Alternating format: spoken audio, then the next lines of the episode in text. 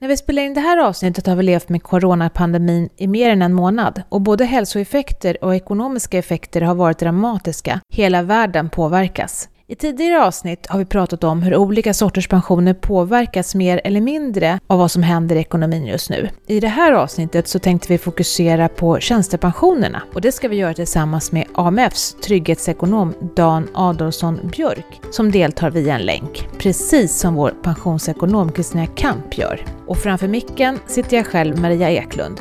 Känn dig välkommen till min Pensionspodden, för nu kör vi igång.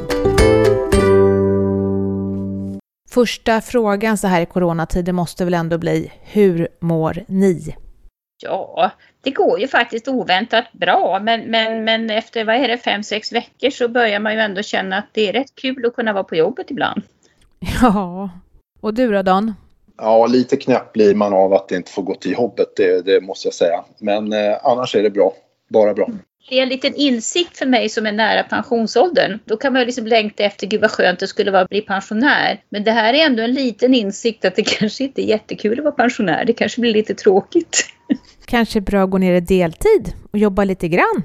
Ungefär så. Mm. Välkommen tillbaka till oss Dan Adolfsson Björk. Du har varit med några gånger tidigare så jag tror att våra trognaste lyssnare känner igen din röst. Men för de som är nya lyssnare, vem är du?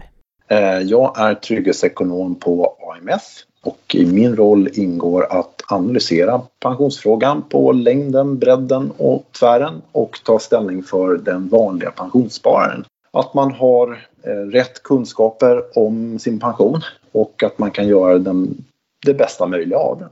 Och vad är AMF? Och hur ser era kunder ut? Vilka är de? AMF är ett av Sveriges största pensionsbolag och vår smör och brödverksamhet är tjänstepension, alltså pensionen som man får eh, via jobbet. Och vi har runt 4 miljoner sparare som har hela eller delar av sin tjänstepension sparad hos oss. Framförallt så är det många privatanställda arbetare, till exempel eh, montörer, elektriker, butiksbiträden, lagerarbetare, truckförare med mera.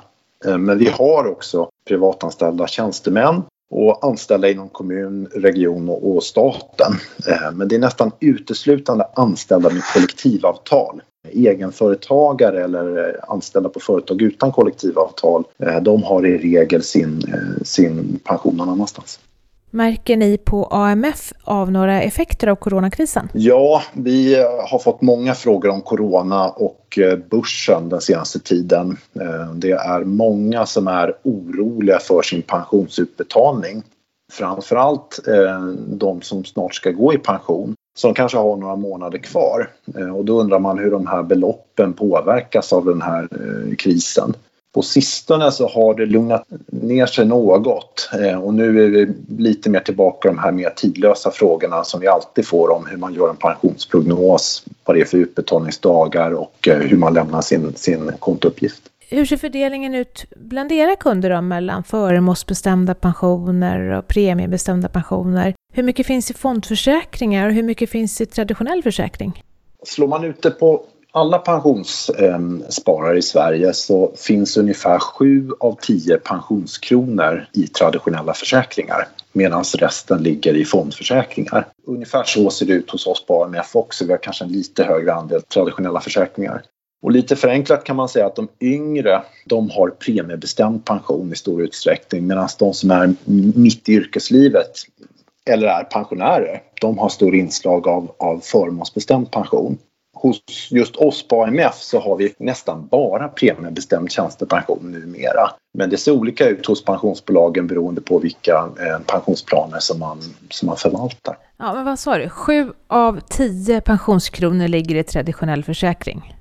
Ja, ungefär så ser det ut om du slutar på alla pensionssparare. Hos oss på AMF så är det lite högre. Det är nästan 8 av 10 kronor som ligger i traditionell försäkring. Men då ligger de ganska tryggt ändå, även när det krisar? Ja, så blir det Jag antar att vi kommer komma in på det i detalj, men, men det är, där är det ju en skillnad mellan just ja. traditionell försäkring och fondförsäkring. Fast det beror ju lite på. Men om vi skulle börja med den lättaste delen då, eller om jag säger så här. Eh, som du sa, det finns ju ändå de som är lite äldre och kanske de som också börjar närma sig pension som har sån här förmånsbestämd pension. Alltså där det är man säger, år inom, inom det avtalet och vad man tjänar på slutet av sitt yrkesliv som spelar roll. Kan de här pensionerna påverkas av den här krisen på något vis?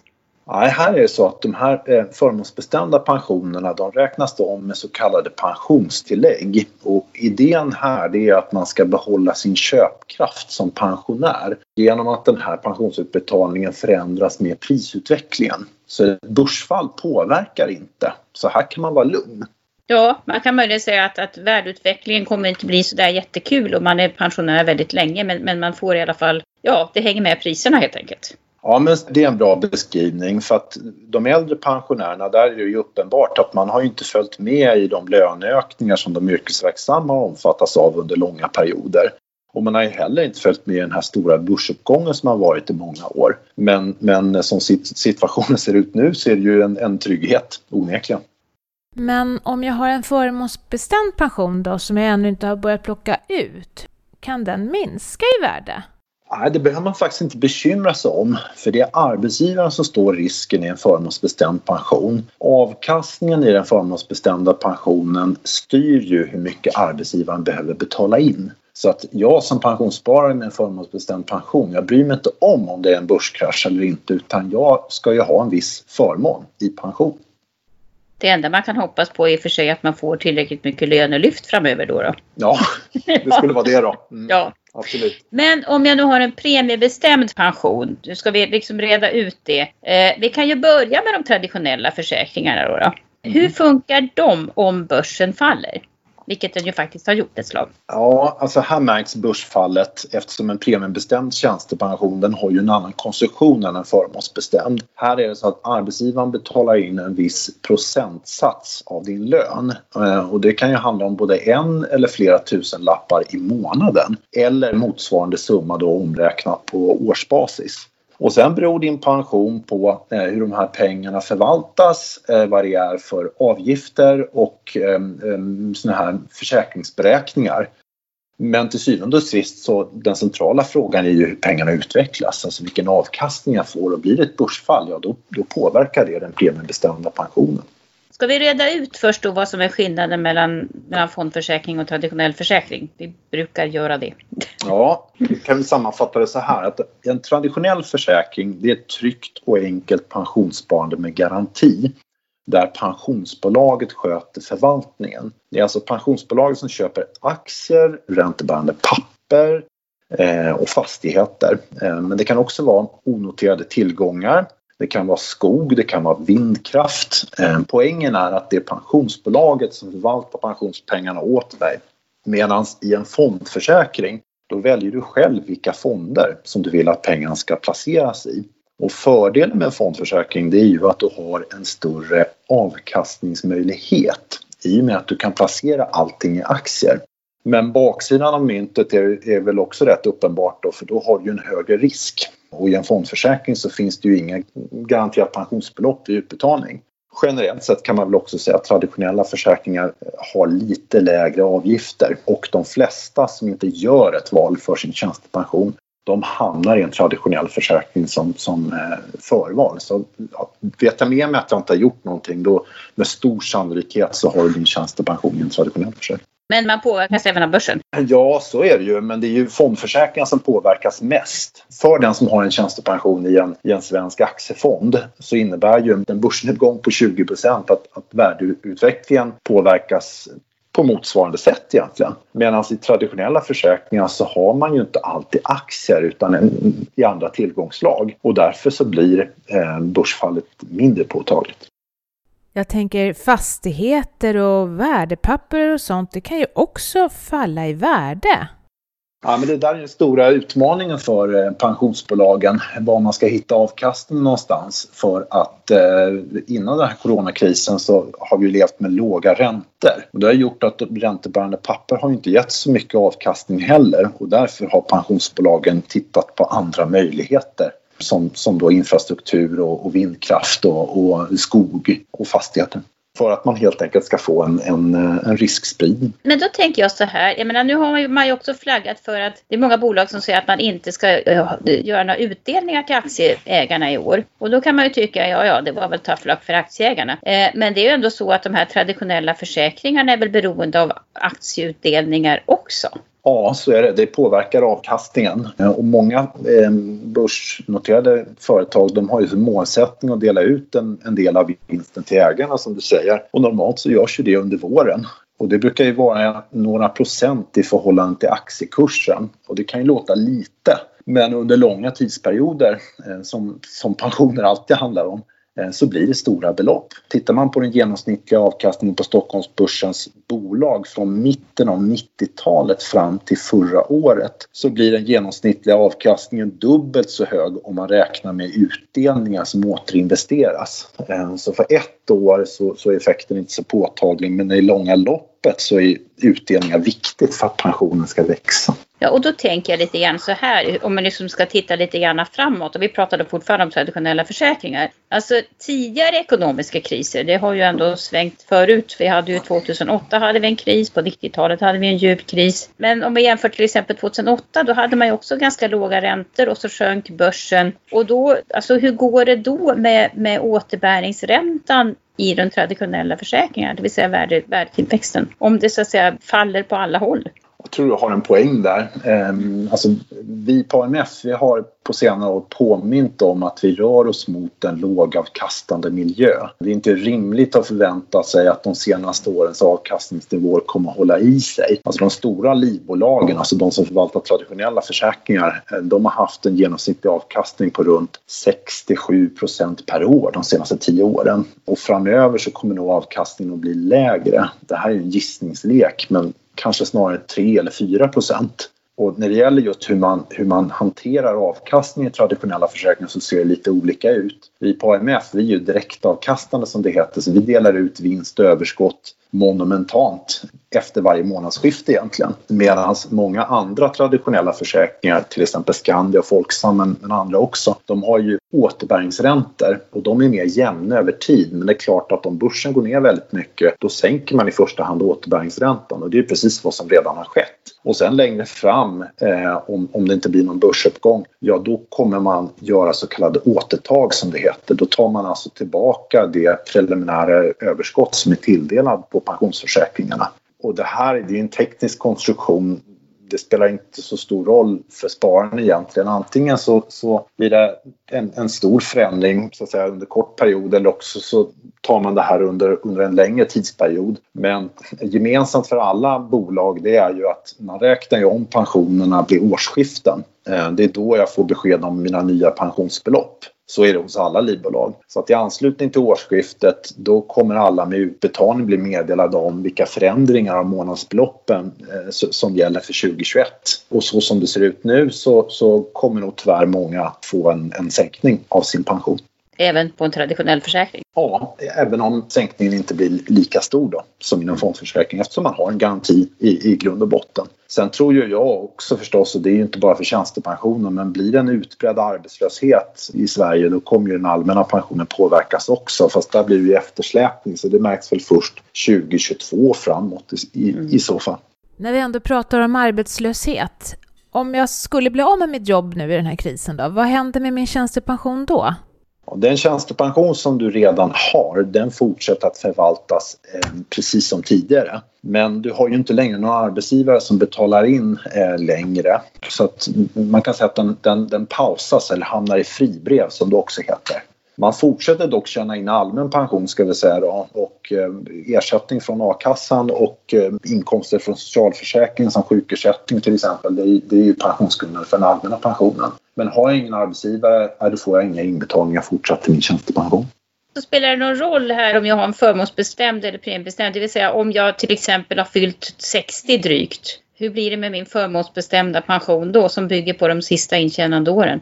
Mm, det där är intressant för att på sätt och vis då som vi var inne på så är det lika för du har inte en arbetsgivare som kan betala in i tjänstepension. Så långt är det lika. Men generellt sett kan man säga att det kan vara en fördel att ha en förmånsbestämd tjänstepension på så sätt att det handlar ju om att komma upp i 30 år i yrkeslivet. Oftast mellan 28 och 65 år. Och då skulle man ju kunna ha en period av arbetslöshet men som ändå gör att man kommer upp i full tjänstetid. Eh, för den premiebestämda tjänstepensionen då räknas ju alla år. Så här går jag ju miste om, om inbetalningar. Har jag en mm. förmånsbestämd tjänstepension så gör jag ju klokt i att kolla upp vad som gäller eh, för de här sista åren. För att det är ju beroende av, så att säga, dels att jag kommer upp i 30 år men så räknar man ju på de sista årens inkomster också. Så där blir väl mitt försiktiga tips då att man kollar upp enklast hos pensionsbolaget vad gäller för mig. Mm. Så att eh, är man, riskerar man att bli arbetslös så är det bra att kolla med sitt pensionsbolag. Vad händer med min tjänstepension helt enkelt? Ja, det kan vara en, en klok idé att göra det. Det låter lite deppigt det här, men ni kanske har några bra tips som kan muntra upp oss? Generellt, alltså pensionen byggs upp under ett långt yrkesliv. Och är man arbetslös några år så påverkar det pensionen med några procent. Det är inte jättekul, men det blir inte en fullständig ekonomisk död som vissa kanske tror.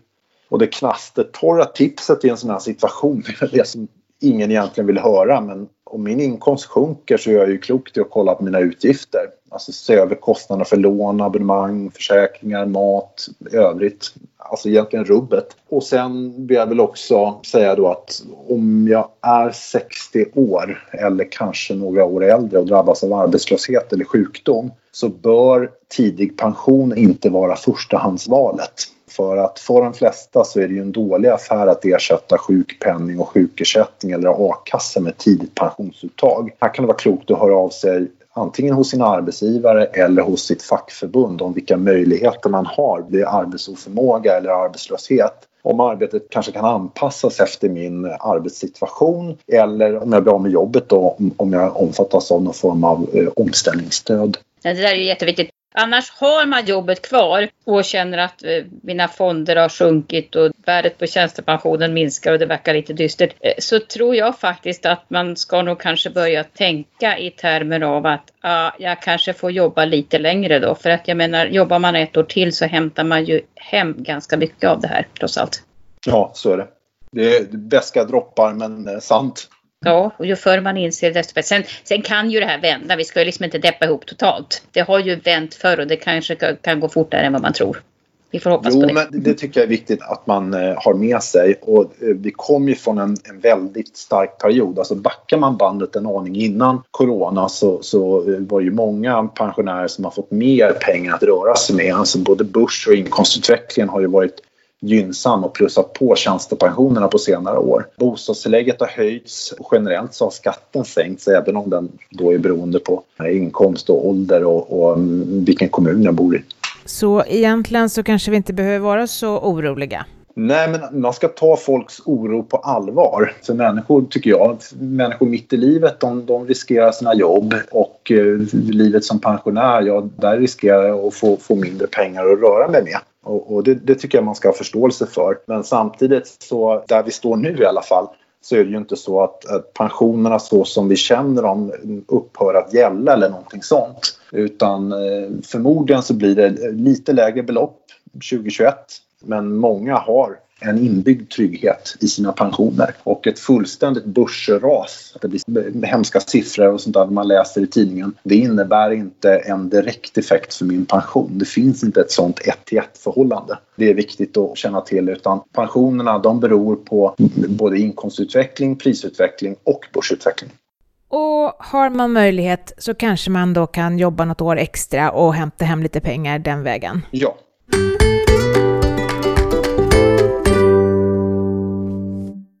Och så har vi dagens fråga och det är väl egentligen inte så att den kommer från en användare utan det här är liksom en spaning som vi har gjort när vi är ute och möter våra användare. Då märker vi att många har svårt att hålla koll på rollfördelningen mellan pensionsbolag och valcentral. Man vet liksom inte vad en valcentral är för något och det är lätt att tro att den information som man får från till exempel Fora eller Collectum gäller ytterligare en försäkring som man har. Därför tror jag att vi inte kan förklara valcentralernas roll nog så många gånger. Så vi tar det igen. Vad är egentligen en valcentral? En valcentral är den administrativa mellanlänken mellan min arbetsgivare, mig som pensionssparare och pensionsbolaget. Eh, så de tar emot pengarna från min arbetsgivare, tjänstepensionen oftast, och sen slussar de de pengarna vidare till det, det pensionsbolag som jag vill ge mitt förtroende. Sen hanterar de andra händelser också. Om jag blir sjuk på jobbet till exempel eller drabbas av en arbetsskada så hanterar de det här pengaflödet också. Så att det är två helt olika roller. Valcentralerna de handlar ju upp pensionsbolag också ska man säga. Så de handlar ju upp eh, de alternativ som ska gälla. Eh, man kan väl säga lite haltande jämförelse men att de är ungefär som Pensionsmyndigheten när det gäller PPM. Det vill säga att de, de förvaltar inga pensionspengar men de administrerar förutsättningarna för det här PPM-torget. Ja, då kan man ju också säga att vi, för dig som individ, och vad ska jag med en valcentral till? Dels är det ju bra om du faktiskt vill byta bolag. Om du tycker att eh, nej men det här, jag gillar inte mitt pensionsbolag, jag skulle vilja byta, så då gör du det via valcentralen. Eh, sen är det också så att om du undrar om du har återbetalningsskydd eller inte. Det vill säga om, om din pension kan ärvas av dina närmaste. Då brukar det oftast vara valcentralen som har den informationen och där kan du också så att säga, välja och välja bort återbetalningsskyddet om du inte vill ha det. Så då ska jag kontakta min valcentral om jag ska kolla mitt efterlevande skydd eller ändra val av bolag. Men om jag vill gå i pension då, vem ska jag prata med då? Är det valcentralen eller är det bolaget? När du vill ta ut dina pengar, då är det ju bolaget du vänder dig till. Ja, det var väl allt för idag. Tack Dan för att du var med i podden.